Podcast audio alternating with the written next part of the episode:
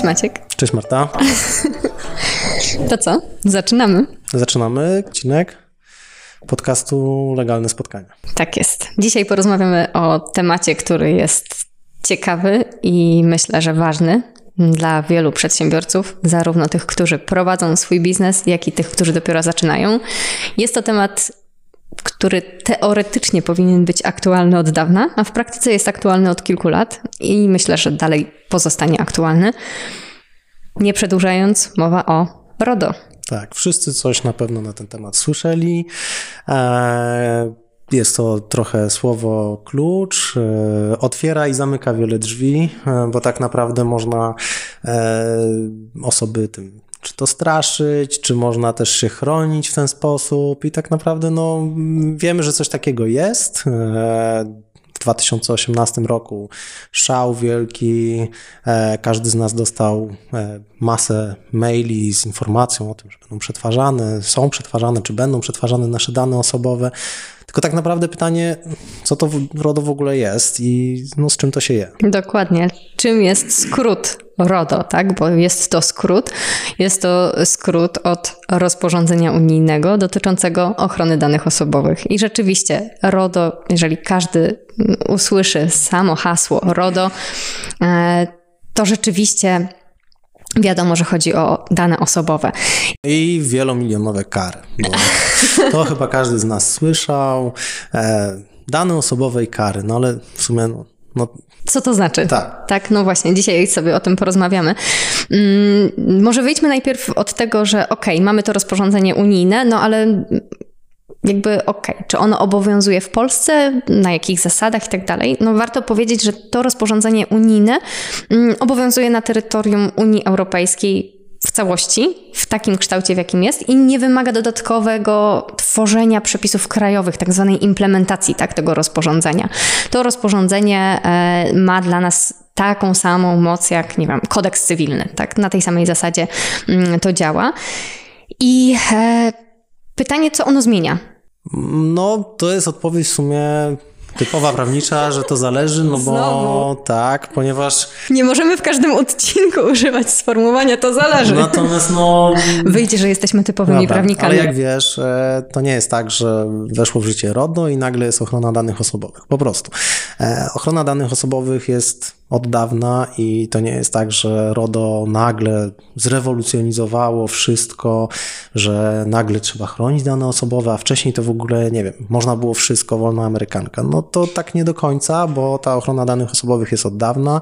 Ustawa o ochronie danych osobowych jest z tego co pamiętam z 97 roku. Dokładnie tak. E, I no, czyli co, już mamy 2021, no 20, to ponad 20 lata. lat, tak. E, więc to jest. E, to no to było... skąd, to skąd ten e, nagle rodoszał, można powiedzieć? Dobra, po pierwsze, no to to, co powiedziałaś, e, mamy mm, przepisy, które zostały wprowadzone rozporządzeniem unijnym, czyli cała Unia Europejska przepisy w zasadzie identyczne, e, wszędzie ta ochrona jest identyczna. To jest pierwsza rzecz. Druga rzecz, to, od czego zaczęliśmy. Kary. Kary, kary, jeszcze raz kary. E, e, ustawa o ochronie danych osobowych e, również nakładała pewne obostrzenia, natomiast no, w tym momencie mamy do czynienia z karami administracyjnymi. E, są to gigantyczne kwoty. Są to kwoty w milionach, 10, no 20 milionów. Sprawdzam tutaj, bo mam to wynotowane. To są e, kary pieniężne za e, naruszenie przepisów RODO w wysokości, w zależności od rodzaju tych naruszeń, do 10 milionów euro, a w przypadku przedsiębiorstwa w wysokości do 2% jego całkowitego rocznego światowego obrotu z poprzedniego roku obrotowego. Więc no po prostu kwoty dla przeciętnych przedsiębiorców, powiedzmy z sektora mm, MŚP, tak, małych i średnich przedsiębiorstw, no to są po prostu kolosalne pieniądze. Mm, dokładnie. I to jest y, właśnie coś, o czym każdy z nas słyszał, że są te kary. E, zaraz też dojdziemy do tego, że tak naprawdę te kary są nakładane, bo tutaj na to, to warto zwrócić ważne. uwagę. Mhm. Natomiast y, jest pewna rewolucja, mm, to znaczy Ustawa o ochronie danych osobowych e, nakładała obowiązek. W sensie ochrony mówisz o tej z 97 tak, roku. Mhm. Nakładała obowiązek ochrony danych osobowych, natomiast w momencie, kiedy doszło do naruszenia e, moich danych osobowych, to tak, tak, naprawdę ja byłem osobą, która musiała e, działać w temacie. Musiałem się zwrócić do tak zwanego GIODO, Generalnego Inspektora Ochrony Danych Osobowych i walczyć o swoje prawa. Mieliśmy odpowiedzialność karną, to też zupełnie inne. Inny rodzaj, rodzaj odpowiedzialności, tak? tak? Bo w, jakby nie możemy, jest domniemanie niewinności, więc y, jakby działamy na zasadzie winy, tak? Czyli musimy udowadniać, że ktoś zawinił i, i ktoś w sposób zawiniony. Mm, no, już może nie no wchodząc tak, w szczegóły, tak, bo żebyśmy nie poszli za daleko. Natomiast y, to, to czym, od czego wyszedłem, e, to ja byłem osobą, która musiała e, coś z tym zrobić. W tym momencie e, osoba, która jest odpowiedzialna za moje dane osobowe, za ich ochronę, czyli każdy, kto je zbiera, gromadzi, przetwarza, o tym zaraz porozmawiamy, co to tak naprawdę znaczy to ta osoba ma obowiązek po pierwsze je chronić e, należycie, a po drugie w momencie, kiedy dochodzi do naruszenia e, i przede wszystkim wycieku danych osobowych, mhm. ta osoba musi sama zgłosić. No, to jest administrator, bo tak. Tak, e, tak się to nazywa w tak, rozporządzeniu. Tak. Administrator ma obowiązek zgłosić naruszenie. I z tego co pamiętam, tam jest bardzo krótki termin. 72 godziny. Dokładnie. Mówimy tutaj o konkretnych e, rozwiązaniach i zmianach, które właśnie faktycznie dyscyplinują ludzi, mm-hmm. plus e, zwróćmy uwagę na ten aspekt społeczny. To, że właśnie każdy o tym słyszał, to, że e, nie wiem, chciałabyś sobie wynająć e, rowerek wodny, to już pewnie. Musiałam e, podpisać zgodę na przetwarzanie moich danych osobowych. Tak, no tak. dokładnie. No, tego typu rzeczy. Wcześniej mogłaś zadzwonić do szpitala, podać się za matkę, córkę, wujka, ciotkę i się dowiedzieć wszystkiego o wszystkich, bo nie było tej świadomości. Więc tak naprawdę no, ta świadomość społeczna jest czymś, e, co faktycznie zadziałało. Natomiast e, no ludzie w sumie nie wiedzą do końca, co to jest, bo... I, Z czym i, się wiąże to tak, RODO, tak? tak? Dokładnie. Są jakieś, jest jakaś papierologia, e, ale i są te kary. I no spróbujmy może to po prostu przybliżyć. No chyba, chyba jest to potrzebne. Myślę, że to, to jest ważne, zwłaszcza z perspektywy przedsiębiorców, bo mam wrażenie, że często są wystraszeni tym, co mają zrobić, że to RODO jest takie mm, szumnie nazwane pojęcie wdrożenie RODO, tak? O, ja jeszcze nie mam wdrożonego no, RODO. praca dla prawnika. Tak, tak no. dokładnie. Na czym, na czym polega to... Yy, te obowiązki tak naprawdę dotyczące RODO, z czym to się wiąże? Co to są w ogóle te dane osobowe? W sensie, nie wiem, może weźmy no to, Marta, za przykład sklep internetowy. No, dokładnie. E, no, Jestem sobie Jan Kowalski, e, prowadzę sprzedaż e, za pomocą e, portalu aukcyjnego, internetowego, sprzedaję telefony komórkowe.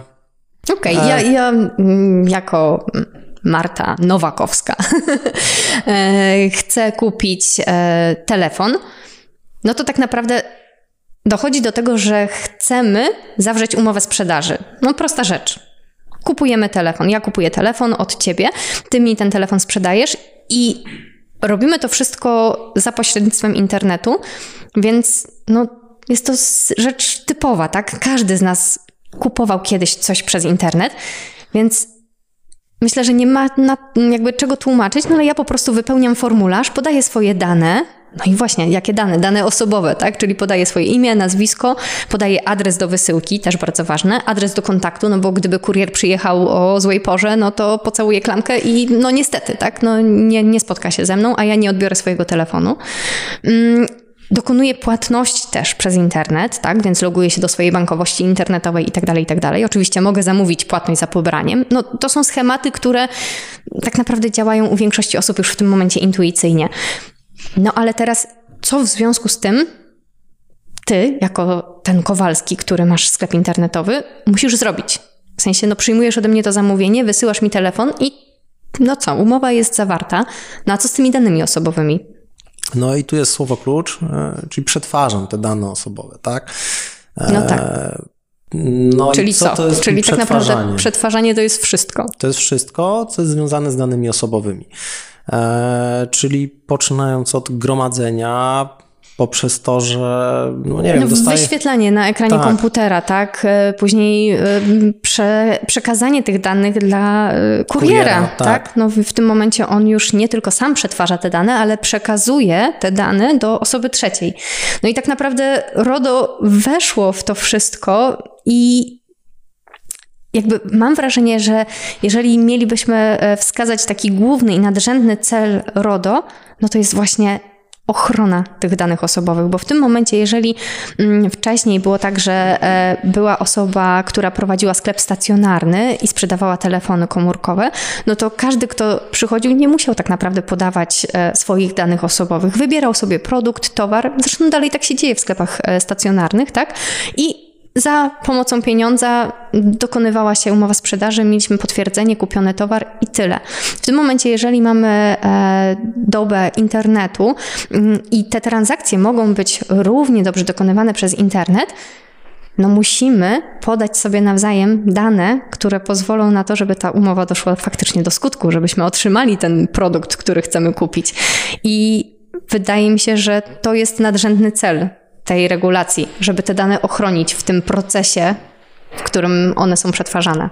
No, tu powiem Ci drobny trend y, odnośnie tej sprzedaży takiej stacjonarnej, bo proste pytanie, czy w takiej, w takiej sytuacji mamy też do czynienia z y, ochroną danych osobowych?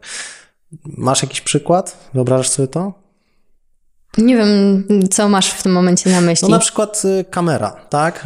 E, Okej, dobra, w tym kierunku. Mamy Mhm. monitoring wizyjny. Standardowa sytuacja. E, nawet w małych sklepikach są montowane kamery e, i nawet jeżeli nie korzystamy z usług e, osoby z zewnątrz, która się tym zajmuje, tylko, no nie wiem, mam na zapleczu, e, nagrywam to sobie po to, żeby widzieć, czy po prostu mnie ktoś nie okrada. Mhm, Prosta sprawa. No to po pierwsze, tu już dochodzi do e, przetwarzania danych tak. osobowych i to też takich już bardzo specyficznych, bo mo możemy, e, no przetwarzamy cały wizerunek, tak, tej osoby. Dokładnie. To są też e, no, jedne z najważniejszych tak naprawdę danych osobowych. A weźmy sobie jeszcze taki przykład. Ktoś mnie faktycznie okradł. I wiem, kto to zrobił, w sensie znajduję na nagraniu, tak. I żeby uniknąć tego w przyszłości, chroniąc się w ten sposób, no ale nie znam imienia, nazwiska, nie wiem, e, ale chcę jakoś działać, chcę coś z tym zrobić, drukuję sobie zdjęcie takiej osoby i zamieszczam na przykład na drzwiach wyjściowych. Nie wiem, z informacją, tej osoby nie obsługujemy, ta osoba to złodziej. Czy, no, czy to jest legalne? No tutaj już wchodzimy w zakres no, niedopuszczalnego przetwarzania danych osobowych, tak? Bo, bo w tym momencie e, publikujemy czyjś wizerunek bez jego zgody. A z drugiej strony na szali mamy no to własne dobro, własne bezpieczeństwo, ten towar, który kupiliśmy. No i pytanie, jak do tego podejść, tak? No, no w to wszystko wchodzi nam y, cała regulacja związana z ochroną danych osobowych. Dokładnie. Natomiast no, wracając do tego sklepu internetowego, e, to co powiedziałaś, no ja zbieram e, dane osobowe kupujących, takich jak ty. I co dalej? No bo zbieram, tak, muszę wystawić paragon, fakturę, e, muszę dokonać wy- wysyłki, przekazuję to na przykład pracownikom, którzy e, pakują towar, e, księgowej, która rozlicza to. No jakby osób, którym to przekazuje jest mnóstwo. Może być nie wiem, pracownicy, którzy się zajmują tym od strony sklepu internetowego, samej e, sprzedaży. Chcę wysłać tym osobom później na przykład oferty, bo ktoś zakupił u mnie jeden produkt, no ale myślę, no może wróci, tak? E, I co powinienem zrobić? No, nie da się w jednym zdaniu odpowiedzieć na Twoje pytanie. No, Na pewno nie, jeśli jest tak postawione, bo to wszystko właśnie wchodzi cała regulacja związana z RODO. Ona ma za zadanie ochronić na każdym z tych etapów Twojej działalności dane osobowe, które przetwarzasz, tak? Czyli to nie jest tak, że masz potraktować swoje przedsiębiorstwo jako jakiś taki, nie wiem, wycinek, tak? Że a ja tylko dokonuję sprzedaży przez internet, więc tylko w momencie, w którym ktoś przesyła mi swoje dane, to ja je chronię. No nie, bo jeżeli później te dane są przekazywane do kuriera, który tak naprawdę też je otrzymuje i dalej przetwarza te dane, no to de facto prowadzi nas to do tego, że na każdym etapie my musimy zadbać o to, jako przedsiębiorcy, żeby te dane były chronione w sposób należyty, w sposób zgodny z obowiązującymi przepisami.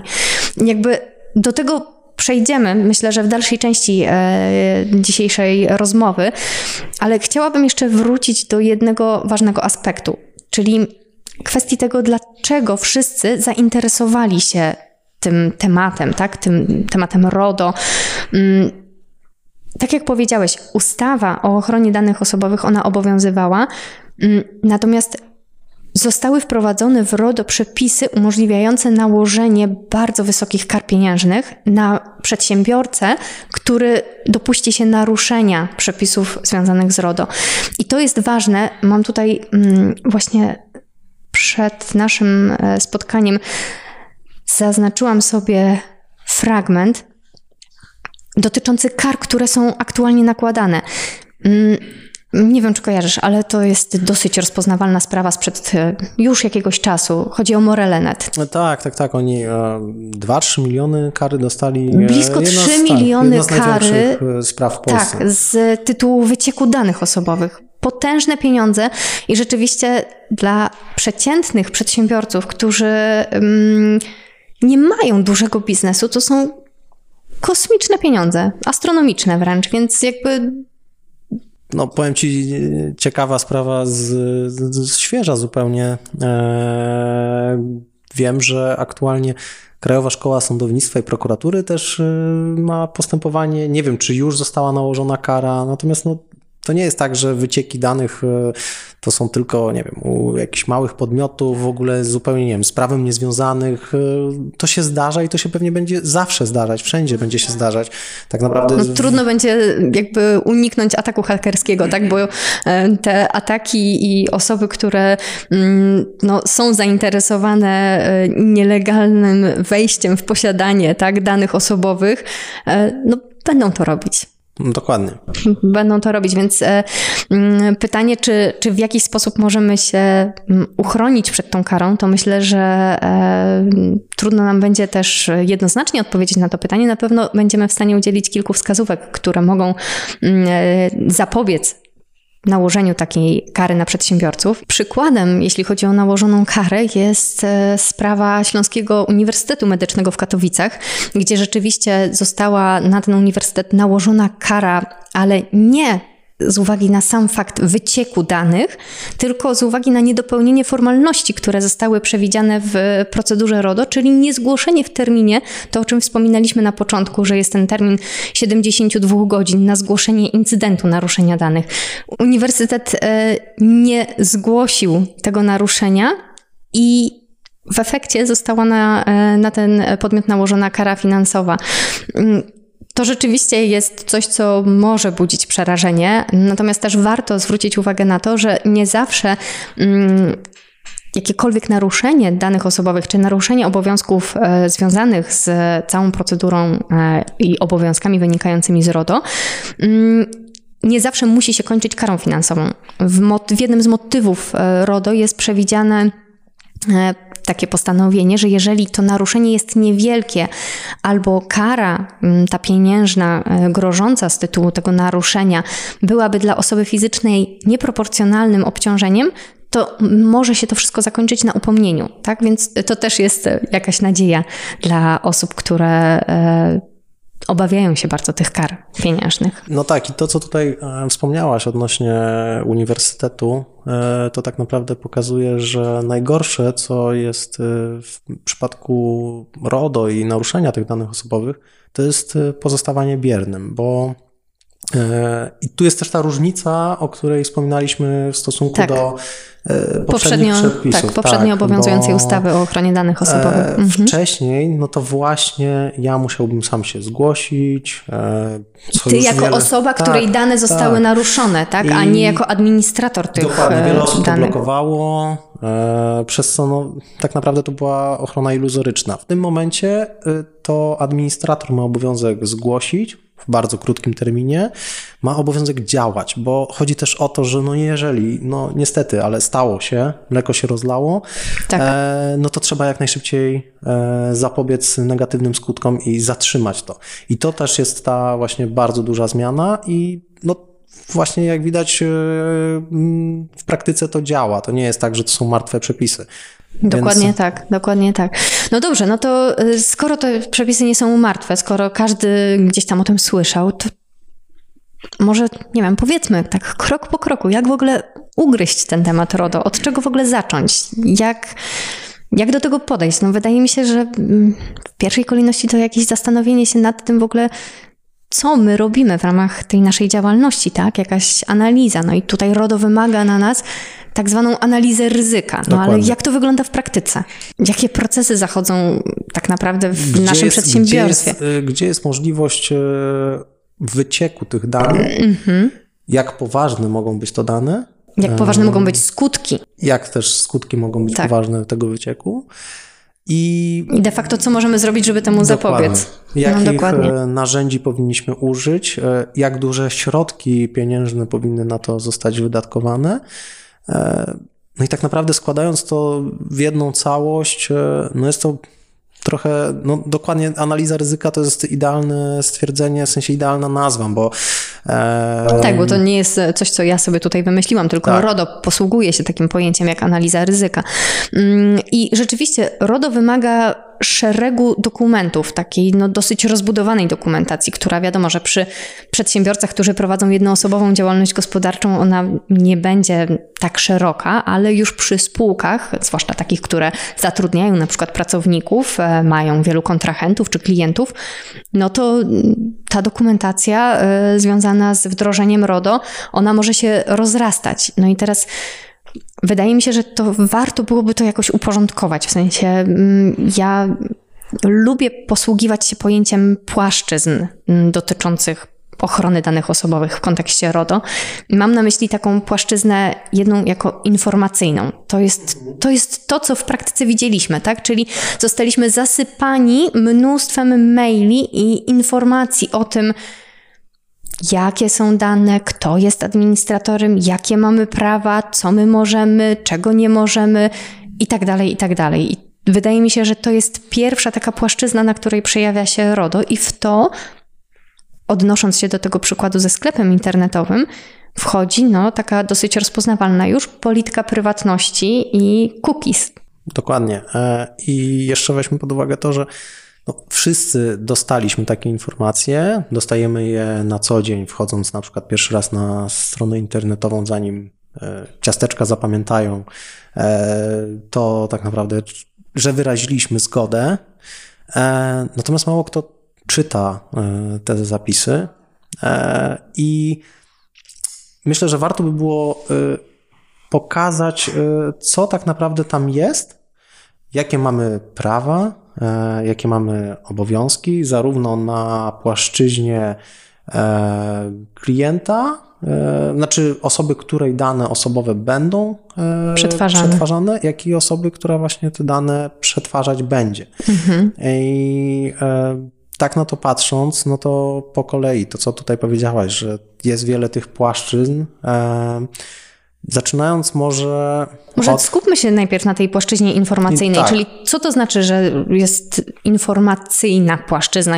Bo to też jest jakby takie moje pojęcie, które pozwala mi powiedzmy zamknąć w jakiejś tam jednej klamrze mm, wszystkie obowiązki informacyjne, bo RODO rzeczywiście nakłada na administratora danych osobowych, który przetwarza te dane osobowe, mm, szereg obowiązków o charakterze informacyjnym, czyli on ma co tak naprawdę zrobić? No poinformować. poinformować. Dokładnie. Mam obowiązek poinformować o tym, że będę przetwarzał dane osobowe. Mhm.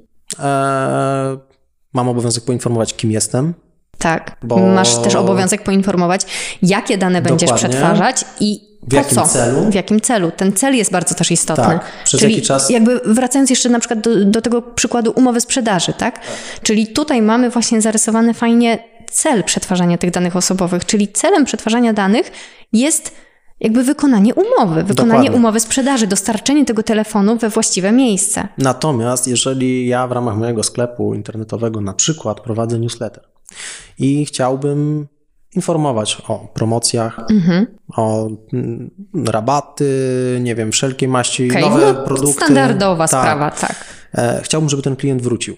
No to już e, cel jest znacznie szerszy, bo to nie jest tylko i wyłącznie. Wykonanie umowy, tak. sprzedaży. No tak, masz cel, który się nazywa zgodą tak naprawdę na cele marketingowe, trochę można powiedzieć, tak? Czyli powinniśmy w tym momencie no de facto co zrobić? Opisać, tak? No i to są te przykłady, gdzie pod formularzem mamy jakby kwadracik, w którym możemy odhaczyć zgodę na przetwarzanie naszych danych osobowych i to też jest ważne, że część zgód jest, e, tu wychodzimy trochę spoza zakresu RODO, ale mm, część e, zgód jest e, obowiązkowa, tak? a część jest dobrowolna, czyli na przykład zgoda na przetwarzanie danych osobowych w celach tych marketingowych jest potrzebna, żeby dostać na przykład newsletter. Dokładnie. Ale nie jest potrzebna, żeby zawrzeć umowę sprzedaży. Więc w tym momencie często się zdarza, że mamy kilka różnych formułek, można tak to określić. W jednej są e, zgoda na przetwarzanie danych osobowych, ona też jest często powiązana ze zgodą mm, i, i zaakceptowaniem regulaminu danego sklepu internetowego. To też jest ważne, ale to jest już inna regulacja niż, e, niż ochrona danych osobowych. I tą zgodę de facto musimy udzielić. Możemy jej nie udzielić, no ale wtedy nie będziemy w stanie wykonać umowy sprzedaży. I to pokazuje bardzo prosto cel, dla którego przetwarzane są te dane osobowe. Okej, okay, dobra, ale wróćmy do tego, o czym mówiliśmy, czyli mamy ten obowiązek informacyjny, przetwarzanie danych osobowych, mamy kim jest administrator, mamy ten e, cel, mamy informacje, jakie dane osobowe, czy coś jeszcze ci przychodzi do głowy? Czas. Czas, dokładnie. Czyli czas, jak to, to jest też coś, na co e, RODO położyło nacisk, żeby minimalizować czas przetwarzania danych osobowych, żeby ten czas przetwarzania danych osobowych był ściśle powiązany z celem i nie był nieskończenie, nieskończenie długi, tak? Dokładnie no, nie tak. możemy sobie wpisać, nie wiem, na czas nieokreślony na przykład, bo no, nic z tych rzeczy, w sensie trzeba to określić e, jasno, precyzyjnie, przez jaki czas mamy zamiar e, gromadzić te i przetwarzać dane osobowe. Tak, nawet trzymanie ich w komputerze po prostu, czy w systemie, to, że ten, e, bo też jakby w sumie zaczęliśmy rozmawiać o tych danych osobowych, nie wiem, czy wybrzmiało dobrze, czym one są, tak? Że to może być imię, nazwisko, ale może być też adres mailowy, tak? Czy numer e, telefonu, więc jeżeli te to dane... może być nawet, nie wiem, kolor włosów tak naprawdę, jeżeli na tej podstawie jesteśmy w stanie wskazać konkretną osobę, no to no wszystko tak. może być, jakim kto samochodem jeździ. E, Każda wszystko... informacja, która tak. może prowadzić pośrednio lub bezpośrednio do jakby zidentyfikowania konkretnej osoby, dokładnie tak. Więc jakby to jest związane z tym, że takie dane mogą być przetwarzane w systemie i to, że my, nie wiem, na co dzień nie wchodzimy w ten system i nie szukamy, nie wyszukujemy konkretnego Jana Kowalskiego, który ma taki i taki adres, to nie znaczy, że my tych danych nie przetwarzamy. One Dokładnie. dalej u nas są, są w tym naszym archiwum, w to, są w tym e, systemie, więc jakby pytanie, co później, tak? Mamy je usunąć? Ja jeszcze jedną i... rzecz, e, myślę, tutaj wyjaśnił, e, bo to, co mówimy, jest kwestia informacyjna. No ale co w sytuacji, jeżeli ja nie zaakceptuję? Nie mam do odhaczenia. Tą zgodę na tak. przetwarzanie danych osobowych, no nie możemy zawrzeć umowy sprzedaży Dokładnie. wtedy, tak? I znowu pojawia się jeszcze jedno pytanie z praktyki. No ale co w sytuacji, jeżeli w sumie nikt ode mnie nie wymaga tej zgody, tak wprost, tylko mam e, na przykład informację, że klikając znaczek X przez X rozumiem tutaj zamknięcie okienka, wyrażam zgodę na przetwarzanie danych osobowych. No czy to już jest wystarczające? No i tutaj można by się spierać, natomiast wydaje się, że jeżeli ten komunikat jest prosty i czytelny, tak, że jakby my wykonujemy konkretną czynność, czyli odhaczamy ten e, przycisk X, mimo że to nie jest takie intuicyjne na początku, no to jednak w ten sposób też wyrażamy już tą swoją zgodę, no bo mamy komunikat, jeżeli klikniesz znaczek X, tak, to wyrażasz zgodę na przetwarzanie danych osobowych. No i tutaj dobrze byłoby, mm, żeby był przynajmniej nie wiem, link do polityki prywatności albo informacja w jakim celu i tak dalej, no bo to jest już ten obowiązek administratora. Dobra, no ale to jesteśmy na stronie internetowej. A teraz wróćmy jeszcze do przykładu e, ze sklepem stacjonarnym e, i z kamerą. No, czy ta kamera jest zawsze zakazana, czy to w ogóle nie wiem. Ja nie mogę się w ten sposób chronić, bo na przykład już nie jestem e, takim szeryfem, że drukuję sobie e, zdjęcie e, złodzieja, wywieszam na drzwiach, tylko po prostu chcę to przekazać policji. No, czy to jest dopuszczalne? Jeśli chodzi o ten sklep stacjonarny, to tutaj mamy też właśnie obowiązki informacyjne, czyli na przykład przed wejściem do tego sklepu masz na przykład informację, że obiekt jest monitorowany, tak? I, i już to, nawet ta nalepka z informacją, że um, obiekt jest monitorowany, będzie spełnieniem obowiązku informacyjnego, że te dane osobowe będą przetwarzane, tak? No oczywiście dobrze jest, że jeżeli to są, nie wiem, jakieś miejsca typu um, na przykład e, biuro czy sekretariat, żeby też była tam informacja, powiedzmy taka zamieszczona, mm, gdzie będzie informacja o tym, kto jest tym mm, administratorem danych osobowych i tak dalej. No tutaj już tych przykładów można mnożyć i, i tu jest naprawdę dużo e, tak naprawdę możliwości i rozwiązań mm, i pytań, na które można udzielać odpowiedzi. Natomiast pytanie, co dalej? Ok, mamy ten obowiązek informacyjny, on się przejawia w różnych aspektach, tak? Jest obowiązek poinformowania na stronie internetowej, w miejscu, poinformowania pracownika, tak? O tym, mm, w jaki sposób jego dane osobowe będą przetwarzane. Mm, I e, tak samo, e, gdzie te dane osobowe będą przekazywane. To myślę, że też jest ważne, bo w tym momencie mm, wielu przedsiębiorców korzysta z różnych aplikacji i tu wróćmy do początku. Mamy rozporządzenie unijne, no a co się dzieje poza terytorium Unii Europejskiej? No ale jak poza terytorium Unii Europejskiej? No w sensie, jeżeli sprzedaję w Polsce, no to gdzie może być No dobrze, ale jeżeli jesteś e, sprzedawcą, jesteś przedsiębiorcą, który prowadzi sklep internetowy, to z jakich usług korzystasz ze strony internetowej? A gdzie masz hosting? A gdzie masz domenę? Kto to obsługuje? No to są często podmioty zagraniczne. Mamy zagraniczny hosting, zagraniczną domenę. Tam jest postawiony sklep, gdzie są serwery zlokalizowane, czy w Polsce, czy na terytorium Unii Europejskiej. A co jeśli to jest na przykład w Stanach Zjednoczonych? No i tutaj powstają nam kolejne przykłady, gdzie RODO tak naprawdę nakłada na nas obowiązek zabezpieczenia tych danych nie tylko jakby na naszym komputerze, tylko w całej sferze, gdzie one są przetwarzane. A jeżeli korzystamy z różnego rodzaju aplikacji, no to siłą rzeczy te aplikacje muszą mieć też odpowiednio zabezpieczone systemy do przetwarzania tych danych osobowych. Okej, okay, ale ja nie jestem w stanie kontrolować tego, co robi na przykład e, Google Analytics albo. Tak, Facebook, ale możesz jeżeli... sprawdzić, czy ten podmiot jest zweryfikowany. Jest taka strona, mm, nazywa się e, Privacy Shield, e, gdzie jest lista podmiotów, które podpisały takie porozumienie o stosowaniu odpowiednich praktyk, tak? odpowiednich procedur związanych z RODO. Mm, jeżeli ten podmiot, z którym ty współpracujesz, jest wymieniony na tej liście, możesz to zweryfikować, tak? Więc jakby ty jako administrator masz obowiązek, można powiedzieć, zatroszczyć się o te dane osobowe i zastanowić się, gdzie one są przekazywane, komu. E, czy to jest właśnie państwo, które w ogóle nie stosuje żadnych zasad związanych z ochroną danych osobowych, czy jednak podjęło ten trud mm, i rzeczywiście e, chroni te dane oso osobowe w taki sposób i na takim samym poziomie, jakim jest to przewidziane w RODO, tak? Bo wiadomo, że to rozporządzenie unijne będzie obowiązywało na terytorium Unii Europejskiej, no ale już nie będzie wiążące dla Stanów Zjednoczonych. Dobra, czyli przykładowo, jak jestem e, sprzedawcą, korzystam właśnie z usług e, podmiotów zewnętrznych, to powinienem dochować należytej staranności, na przykład właśnie sprawdzając te podmioty na liście, o której mówisz. I mm, to, że ja sobie prowadzę swój sklep, internet, swój sklep internetowy, wydaje się, że nie wiem, że transakcja jest tylko między mną a klientem, no to nie do końca tak działa, ponieważ na przykład korzystam z, mogę korzystać z usług PayPala, e, nie wiem, jakichś wszelkich e, szybkich płatności później przy newsletterze korzystam z usług e, takich...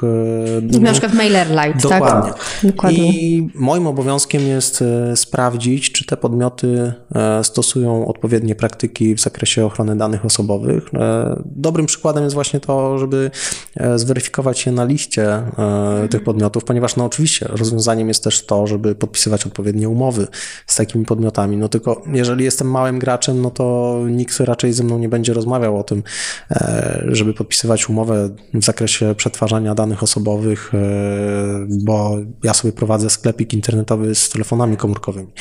E, więc to są moje obowiązki i to no, jeżeli ja gromadzę, no, przetwarzam te dane osobowe, no to mam tutaj szereg jasno sprecyzowanych obowiązków. Mam chronić dane osobowe w sposób jak najszerszy. No i nie mogę się tak naprawdę mm, jakoś łatwo bronić w ten sposób, że przecież to nie ja, bo nie wiem, bo korzystałem z jakiejś Dokładnie wtyczki. tak, bo osoba, która u ciebie dokonuje zakupów, ona powierza tobie to przetwarzanie danych osobowych, bo ty jesteś administratorem tych danych osobowych. Mm, ale y, może bo wydaje mi się, że odbiegliśmy trochę od tematu. Wróćmy może do tych płaszczyzn, o których tak. E, zaczęliśmy na początku rozmawiać. Mm, czyli mamy tą płaszczyznę informacyjną, czyli poinformowanie o tym, jakie dane będą przetwarzane, w jakim celu, przez jaki czas, czy będą komuś e, powierzone mm, i też tak naprawdę, jakie my, jako osoby, których te dane dotyczą, mamy prawa, tak? I to jest ciekawa rzecz, że RODO wprowadziło coś takiego jak prawo do bycia zapomnianym. No, uważam, że to jest jedna z najważniejszych rzeczy, bo tak naprawdę nawet jeżeli się zgodzimy, e, zwłaszcza w dobie internetu, tak? Tak, zgadzamy się na to, żeby nasze dane były przetwarzane i nagle dostajemy setki maili. Mm, jest. E, Jakiś newsletter niechciany, tak? tak? Promocje, co chwilę, nie wiem, no jakby tworzy nam się skrzynka spamowa. Nie jesteśmy w stanie nic z tym zrobić. No, tu jest proste rozwiązanie. E, możemy złożyć no, wniosek, no to może zbyt formalne określenie. Możemy po prostu zgłosić, że Żądanie chcemy... usunięcia tak, naszych danych osobowych. Dokładnie. Koniec. I no i tak naprawdę administrator nie ma innego wyjścia, musi to. Yy, Zaprzestać przetwarzania tych danych osobowych i po prostu to jest też ważne z perspektywy administratora, tego naszego przedsiębiorcy, że on musi mieć możliwość do tego, aby jakby całkowicie usunąć te dane ze swoich systemów, co też przy takich rozbudowanych systemach wcale nie jest proste, więc tu jest też już duża praca e, tak naprawdę z informatykiem, e, który musi przewidzieć te rozwiązania na samym początku, żeby była możliwość wykonania tych wszystkich e, tak naprawdę obowiązków wynikających z RODO. No i to jest ta sfera, myślę, że i jakby kolejna, kolejna płaszczyzna, czyli e, tak naprawdę e, płaszczyzna zabezpieczenia tych danych. Natomiast ja tutaj e, chciałbym dodać taką ważną rzecz, bo też ze strony klienta, e, no klient musi mieć świadomość, w sensie osoba, której dane mają być przetwarzane, no że są sytuacje, w których te dane musi udostępnić, bo e, o tym nie zapominajmy, bo no, w praktyce spotykamy się z taką sytuacją, że komuś się może wydawać, że e, skoro jest RODO, no to ja już w ogóle mogę nie istnieć e, dla sprzedawców, e, tylko pytanie, w jaki sposób sprzedawca ma mi na przykład dostarczyć przesyłkę? No to jakby jedno jest sprzeczne z drugim.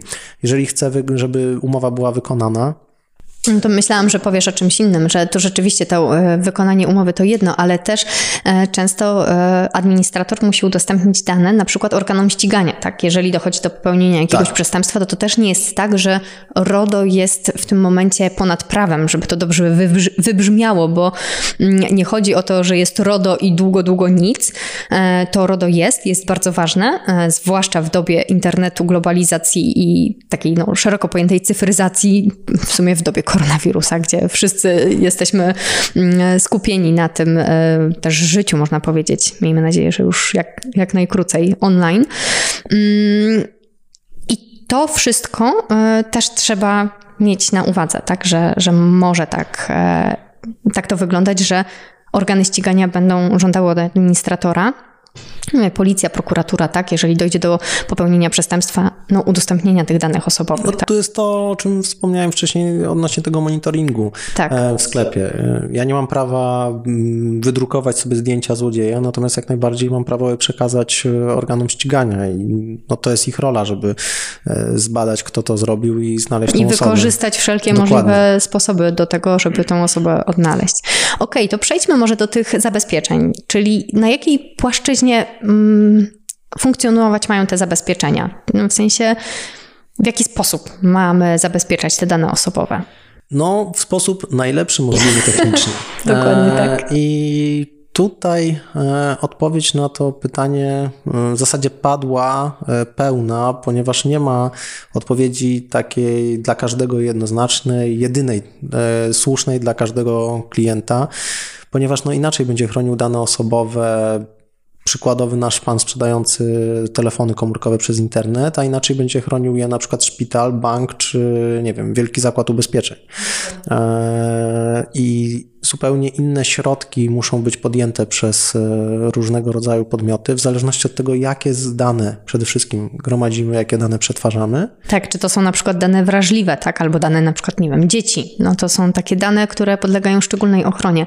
Mm, jasne, i te zabezpieczenia mają formę zarówno tak naprawdę fizyczną, tak, zabezpieczeń fizycznych w postaci na przykład przechowywania danych zamkniętych pod kluczem, tak, w szafach zamykanych na klucz, tak, żeby... Pomieszczenia zamykanych na klucz. Dokładnie tak, więc to są takie, no tak samo RODO na przykład wprowadziło zasadę czystego biurka, tak, Dokładnie. czystego pulpitu, czyli jeżeli, jeżeli jakiś interesant wchodzi do miejsca, w którym e, chce załatwić sprawę i jest powiedzmy pani w sekretariacie, no to ona nie ma monitora tak ustawionego, że widać wszystko, co robi, tylko jednak jest to w miarę mm, pochowane. Tak samo nie, nie walają się po prostu stosy papierów, e, co no, zanim to RODO weszło w życie, było w sumie dość powszechne, że rzeczywiście te dokumenty były łatwo dostępne dla osób trzecich, osób postronnych.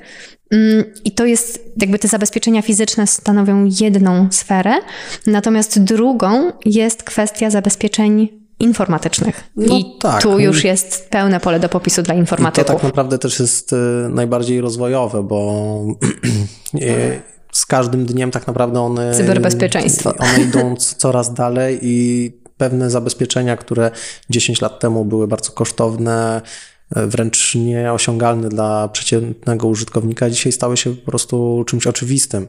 E, Dobrym przykładem jest nawet kwestia chociażby szyfrowania dokumentów, zabezpieczenia hasłem, Dokładnie, już Zmiana- dwustopniowe zmiana- logowanie się tak, Zmiana do hasła konta. co jakiś czas, y, czy to do komputera, czy do swojego konta. To jest jakby jeden ze sposobów, y, w jaki sposób możemy chronić te dane Tak. osobowe, tak, żeby to hasło y, było ciągiem znaków jednak różnych, tak, żeby to nie była nasza data, nie wiem, urodzin, no bo to są takie najprostsze i najbardziej oczywiste has, y, hasła, które mogą być łatwo złamane. Mhm. Dokładnie tak. E, Okej, i przejdźmy jeszcze może w takim razie do e, kolejnej kwestii, czyli stosowanych procedur, tak? Czy jakby te zabezpieczenia, no zabezpieczymy to wszystko, ale wszyscy kojarzą to RODO z mnóstwem dokumentów, dokumentacji itd., itd. Jakie masz wrażenie w praktyce? Jak to, jak to, jak to wygląda? No, wdrażaliśmy nieraz RODO. E, No i faktycznie mm, te dokumenty, ich ilość może przerażać, e, tylko tak naprawdę mm, klienci w momencie, kiedy mm, zapoznają się z ich treścią, to w większości przypadków wystarczy zapoznać się raz e, i mieć świadomość tego, że dokładnie należy stosować te, e, przyjąć zasadę pełnej ochrony danych osobowych, stosować e, zabezpieczenia techniczne, czyli już nie mówimy tutaj o płaszczyźnie prawa i żadnej papierologii. Ewentualnie są to, nie wiem, powtarzalne dokumenty dotyczące znaczy umów w zakresie przetwarzania danych osobowych z podmiotami zewnętrznymi. To już jakby, ale to są, to jest e, schemat wielokrotnie powielany. Jasne, aczkolwiek też powiedziałeś, że wystarczy się zapoznać raz, to myślę, że warto, żeby y, dodać jeszcze, że jakby zapoznajemy się powiedzmy raz z przygotowaną dokumentacją, wprowadzamy te procedury w życie, czyli stosujemy je w praktyce, tak, natomiast- bo to jest bardzo ważne, ale też je aktualizujemy, bo to jest też bardzo ważne, że to nie jest tak, że przygotujemy sobie raz dokumentację, wdrożenie RODO i no i jest. My już mamy, no, no bo to nie, jakby to... nie do tego się to sprowadza, nie? Że, że, że mamy dokumentację i ona sobie leży zamknięta w szufladzie i tyle. Tylko z każdym kolejnym pracownikiem, z każdą kolejną mm, dodawaną do naszego przedsiębiorstwa aplikacją, z której zaczynamy korzystać, z każdym e, jakby dalszym rozwojem, zmianą siedziby i tak dalej, musimy tak jakby mieć z tyłu głowy, że ten proces ochrony Oczywiście... danych osobowych musimy tak naprawdę powtórzyć, tak? Czyli jeszcze raz to przeanalizować i zweryfikować, czy ta dokumentacja, którą posiadamy, czy te procedury, które stosujemy, czy to jest dalej aktualne? Natomiast no, chodziło mi bardziej o to, że dla osoby, która raz się z tym zapozna i faktycznie y, przyjmie to do wiadomości, jakie ma w sensie. Ze, ze zrozumieniem tak, przeczyta te dokumenty. To mhm. później to już jest, y, no wręcz powinno wejść w nawyk, tak naprawdę y, sposób ochrony danych osobowych i oczywiście to, co powiedziałeś, powinniśmy aktualizować przede wszystkim ze względu na nowe rozwiązania techniczne, plus no, w przypadku zmiany na przykład naszego profilu działalności, jeżeli zaczynamy przetwarzać więcej danych na przykład, albo dane wrażliwe, no to wtedy tak. Tak, Natomiast... i też wtedy jest e, jakby kwestia do rozważenia, czy przypadkiem nie musimy już w sposób obowiązkowy powołać inspektora ochrony danych osobowych, tak? Bo, bo w przypadku, jeżeli to jest duża skala przetwarzanych danych osobowych, albo przetwarzamy rzeczywiście te dane wrażliwe, e, no to e, RODO określa po prostu to jako przypadki, kiedy jest obowiązek powołania inspektora danych osobowych. A kim jest ten inspektor jeszcze? Może, bo ja też mówię o tym po prostu, że jest inspektor ochrony danych osobowych, no ale mówimy administrator, inspektor, może to jakoś tak, no wyjaśnimy. No więc y, może oddzielmy tutaj właśnie przede wszystkim administratora. No administratorem w przypadku naszego Kowalskiego prowadzącego jednoosobową działalność gospodarczą, to on będzie administratorem danych osobowych. Natomiast w przypadku spółki, no to tak, spółka już jest y, administratorem danych osobowych. Natomiast no, w imieniu tej spółki ktoś działa, przykładowo zarząd. Członkowie zarządu, tak, e, dokładnie który ponosi już e, odpowiedzialność, może ponosić nawet osobiście, więc e, to też trzeba mieć na uwadze, że gdzieś tam na końcu zawsze jest człowiek i co najgorsze, e, z czym się no, musi zmierzyć każdy przedsiębiorca, nie da się tej odpowiedzialności od siebie całkowicie odsunąć. Mhm. Nie da się, nie wiem, wykupić ubezpieczenia od ochrony danych osobowych albo e, ustanowić sobie pracownika, e, czy... Który będzie odpowiedzialny tak, za ochronę danych osobowych. Tak. Firmę, która się tym zajmuje, na przykład, która będzie przejmie za nas te obowiązki, tak jak, nie wiem, BHP-owiec na przykład, no, no zupełnie nie.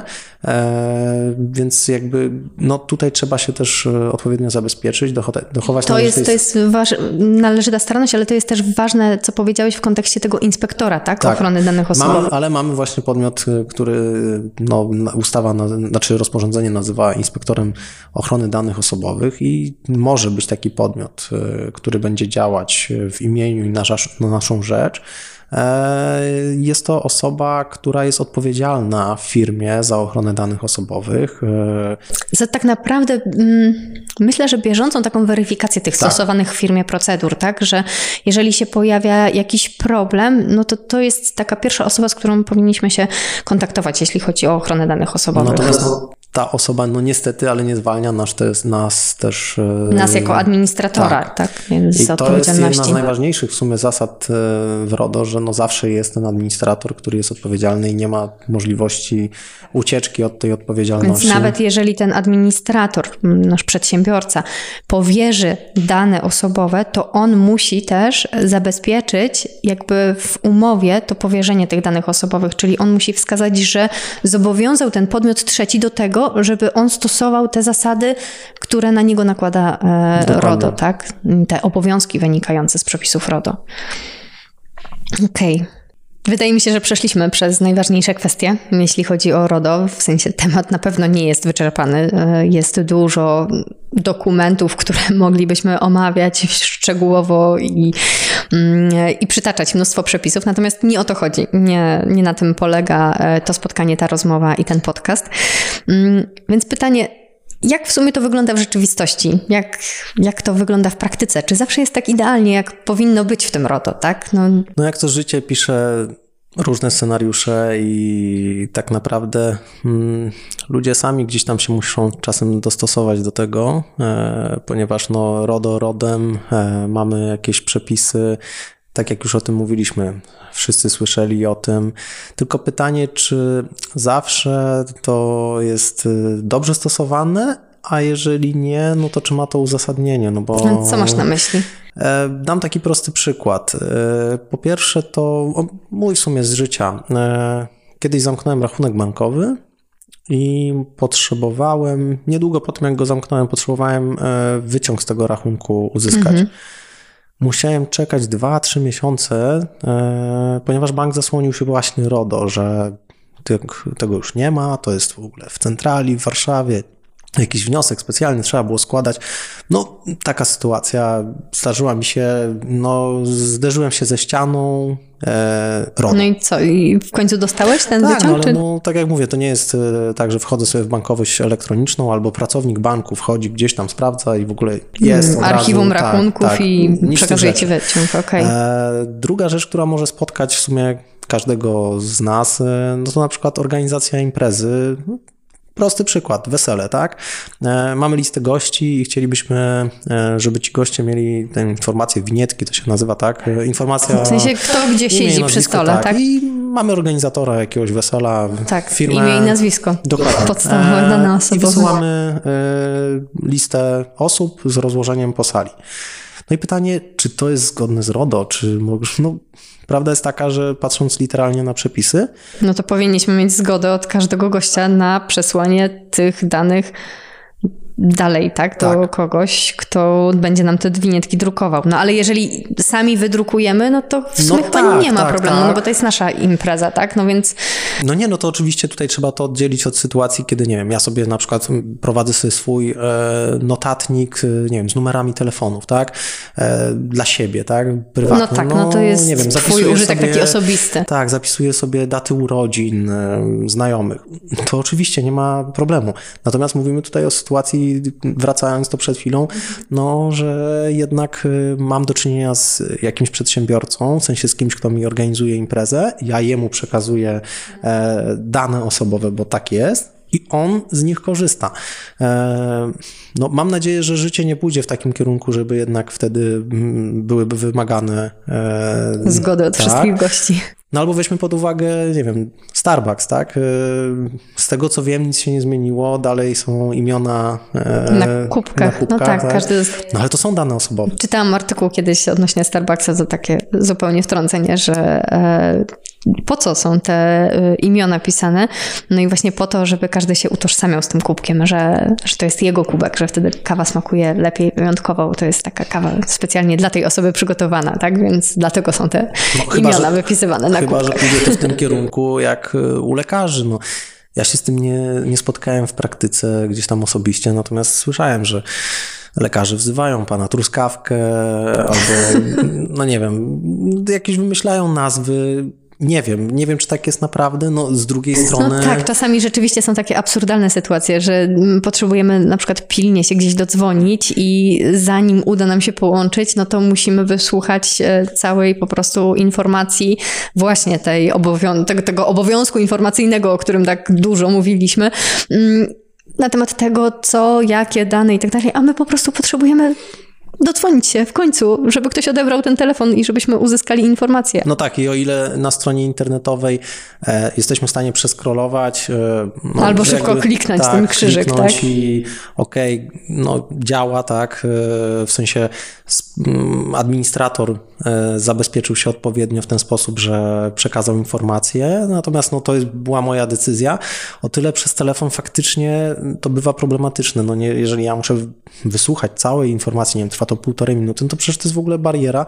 Weźmy pod uwagę e, przedsiębiorcę, który dla którego jakby ma znaczenie to, czy klient odbije się od ściany właśnie tym RODO. No, czy on powinien tak stosować, nie wiem, dam prosty przykład. E, chcę zadzwonić na przykład, nie wiem, zarezerwować stolik w restauracji i no, na imię i nazwisko, tak? No i wtedy jest telefon i jeden to stosuje, drugi nie. Kto tak naprawdę ma rację? No. Tak, ja miałam przykład też e, Sama kiedyś byłam u e, fryzjera i rzeczywiście pani fryzjerka, która miała swój zakład fryzjerski, no, mówiła, że mają problem bardzo duży, dlatego że mm, no, jeżeli korzystają z aplikacji, która im umawia spotkania, to nie ma problemu, bo oni mają całą politykę prywatności, to RODO zrobione i tak dalej.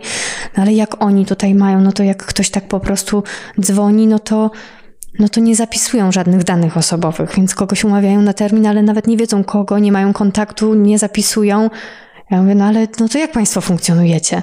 No po prostu no, takie absurdy, tak, że no, no tak, no, no a jak ktoś później nie przyjdzie, no, no, no to wtedy nie przychodzi, tak. No i rzeczywiście no to, to jest sytuacja po prostu absurdalna, no bo jeżeli ktoś dzwoni, e, umawia się na spotkanie, idzie do fryzjera na konkretny termin, potem nie przychodzi i nie wiadomo z kim było umówione to spotkanie, no bo RODO, tak? No to, no, to są absurdalne, absurdalne rzeczywiście sytuacje. No ale niestety z tym w ogóle no, ciężko jest walczyć i problem polega na tym, że tak naprawdę te przepisy są w taki sposób napisane, że e, nie mamy odpowiedzi wprost, e, jak mamy działać, e, gdzie kończy się, gdzie zaczyna się, gdzie kończy się obowiązek informacyjny, bo no, jest kilka punktów, o czym mamy poinformować, no ale nigdzie nie ma tego napisane tak jednoznacznie, nie wiem. Jak w praktyce to powinno tak, wyglądać, tak? I nie ma takiego złotego środka, żeby powiedzieć e, każdemu klientowi dokładnie to samo, że nie wiem, jak pan sobie da to, to i to, to, to wtedy jest wszystko ok, w ogóle jest pan chroniony. No to zupełnie tak nie działa.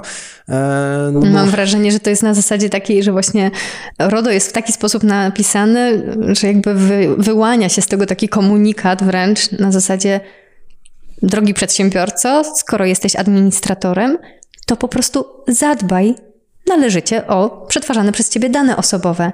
To już jak ty to zrobisz, nas do końca nie interesuje, tak? Mnie jako ustawodawcę, powiedzmy, unijnego. Masz to zrobić tak, żeby było dobrze, żeby były spełnione te wszystkie obowiązki wynikające z RODO. No i no pytanie, jak to zrobić, tak naprawdę często stawiają sobie przedsiębiorcy, którzy zaczynają, więc może nie wiem, dla tych właśnie przedsiębiorców podsumujmy, jak Dokładnie. to zrobić po kolei, od czego zacząć, jakie etapy przejść i co, co tak naprawdę e, powinni zrobić, żeby rzeczywiście zabezpieczyć te dane osobowe. Dobra, no więc tak. W sumie to, co powiedzieliśmy. Pierwsza rzecz to jest analiza ryzyka. Mhm. I w ramach tej analizy musimy sobie odpowiedzieć na kilka bardzo ważnych pytań. Pierwsze, czy będziemy przetwarzać dane osobowe? Jeżeli tak, to jakie? Po, po trzecie, e, jak długo będziemy te dane przetwarzać. W jaki sposób? Tak, w jaki sposób, a po piąte, w jakim celu. Mhm. I to są te najważniejsze pytania. Które na początku trzeba sobie zadać. Tak. I kolejną kwestią jest, myślę, to, w jaki sposób my możemy te dane zabezpieczyć i gdzie mamy to ryzyko, tak, wynikające z analizy ryzyka, że dojdzie do wycieku tych danych osobowych, jak możemy temu zapobiec. Więc to jest taka kwestia. Natomiast jeżeli ktoś jest początkującym przedsiębiorcą, ma pomysł, a dobra, otworzę sklep internetowy, no to de facto w jaki sposób on ma to wszystko wiedzieć? No niestety samemu ciężko jest do tego dojść e, i tutaj jest oczywiście potrzebna pomoc prawna, natomiast e, wiemy, że w internecie są gotowe jakieś rozwiązania. Mm. No i jest szereg wzorów tej dokumentacji, natomiast jakby wydaje mi się, że to już wynika z całego tego, tego naszego dzisiejszego spotkania, że ta dokumentacja nie jest uniwersalna Dokładnie. dla wszystkich, tak? Więc to jest bardzo ważne. Więc nawet jeżeli ktoś skorzysta z jakiegoś gotowego wzoru, to i tak dobrze byłoby, żeby się skonsultował z prawnikiem, z kancelarią, która nawet zweryfikuje, już nie mówiąc o przygotowaniu całej dokumentacji, bo to oczywiście byłoby mm, jak najbardziej wskazane, bo wtedy no, wiadomo, że to jest. To, tak, są, to są duże koszta związane. Trzeba mieć to na względzie, że no, jak ktoś zaczyna, każdy grosz się liczy i to jest zrozumiałe, tylko właśnie, no niestety te przepisy są bezwzględne, więc y, tutaj trzeba mieć na względzie to, że mm, każdy z nas ma, kiedy przetwarza dane osobowe. Ten, e, te obowiązki wynikające obowiązki. z RODO. Mm, ale jakby, czyli okej, okay, ktoś zamawia sobie powiedzmy jakiś tam mm, szablon dokumentacji RODO, e, przechodzi przez to, analizuje, wdraża te procedury, zastanawia się nad tym, gdzie te dane będą e, przetwarzane, w jaki sposób w jego przedsiębiorstwie. No i de facto już na tym etapie może też się zgłosić do kancelarii, żeby powiedzmy sprawdzić, czy to zostało zrobione dobrze, tak? No bo to też już jest jakaś wskazówka, bo wtedy ktoś, kto fachowym okiem popatrzy na to, co ta osoba sobie przygotowała na bazie tych wzorów, no bo wiadomo, że te wzory, one nie będą jakby, to są wzory, tak? To, to są dokumenty, które mają z założenia służyć wielu osobom, więc je trzeba dostosować z uwagi na e, indywidualną sytuację danego przedsiębiorcy. No i co potem? No potem tak naprawdę nic, tylko stosować prowadzić to. biznes znaczy i, stosować, i stosować, to, no, nie? Myślę, że tak naprawdę powinniśmy wyjść też od tego, że e, to nie dokumenty załatwią nam ochronę danych osobowych, tylko nasze, nasze zachowanie. Jeżeli będziemy odpowiednio w sieci e, chronili te dane, nie wiem, poprzez chociażby to, że gdzieś tam zmiany haseł, w ogóle jakby zabezpieczenia takie czysto techniczne, to unikniemy tak naprawdę większości jakichś mm, ryzyk tak. związanych z naruszeniem. Bo to jest najważniejsze, żeby po prostu o tym pamiętać, że nadrzędnym dobrem tutaj są dane osobowe i e, jeżeli podejmiemy odpowiednie działania, no to nie powinno do niczego dojść, natomiast e, z tyłu głowy mieć to, że nawet jeżeli coś się dzieje, no to niestety znaczy, stety, niestety, nie można po prostu być biernym, tylko mamy 72 godziny na reakcję i to na konkretną reakcję. Trzeba po prostu wtedy podjąć wszelkie niezbędne kroki, żeby zapobiec e, dalszemu e, naruszaniu danych osobowych i no, w wielu przypadkach należy zgłosić do Urzędu Ochrony Danych Osobowych fakt, że doszło do naruszenia. Tak. Chyba tyle na ten moment. Mm, także kończymy, myślę, na dziś. Jeżeli mielibyście jeszcze jakieś dodatkowe pytania albo chcielibyście, żebyśmy rozwinęli którąś z tych kwestii w kolejnym podcaście, dajcie znać w komentarzu. Cześć.